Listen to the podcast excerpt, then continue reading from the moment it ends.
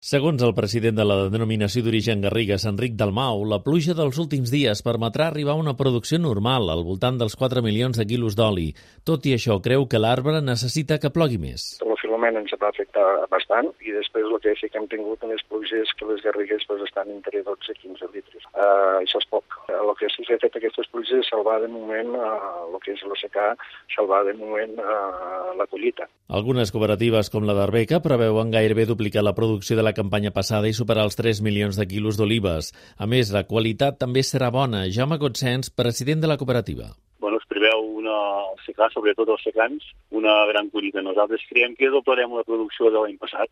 Llavors, també aquestes pluges d'ara pues, també en beneficien molt i de millor també pot ajudar una mica a estar amb el rendiment.